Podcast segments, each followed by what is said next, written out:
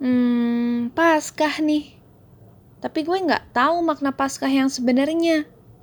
Apakah gue, seorang yang gak setia dalam mencari perkenannya, tetap layak ngerayain Paskah? Wah, gimana nih teman-teman? Apa kalian juga sedang merasakan hal yang sama?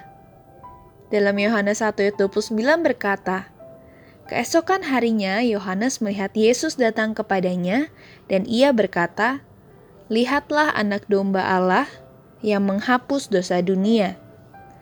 Anak domba di sini berarti untuk menghapus dosa manusia dalam bentuk penebusan dan menebus kembali manusia yang telah jatuh bagi Allah.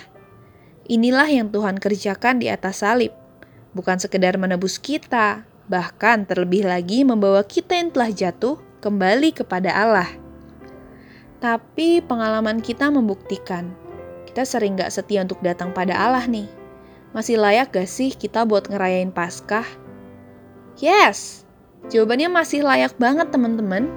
Karena dalam 2 Korintus 5 ayat 19a mengatakan, Sebab di dalam Kristus Allah mendamaikan dunia dengan dirinya tanpa memperhitungkan pelanggaran mereka.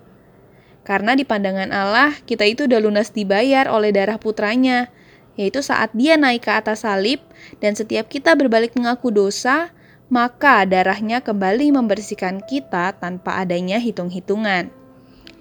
Jadi jangan pernah takut buat kembali lagi datang kepada Tuhan. Karena udah tahu kan faktanya bahwa Tuhan benar-benar sayang sama kita.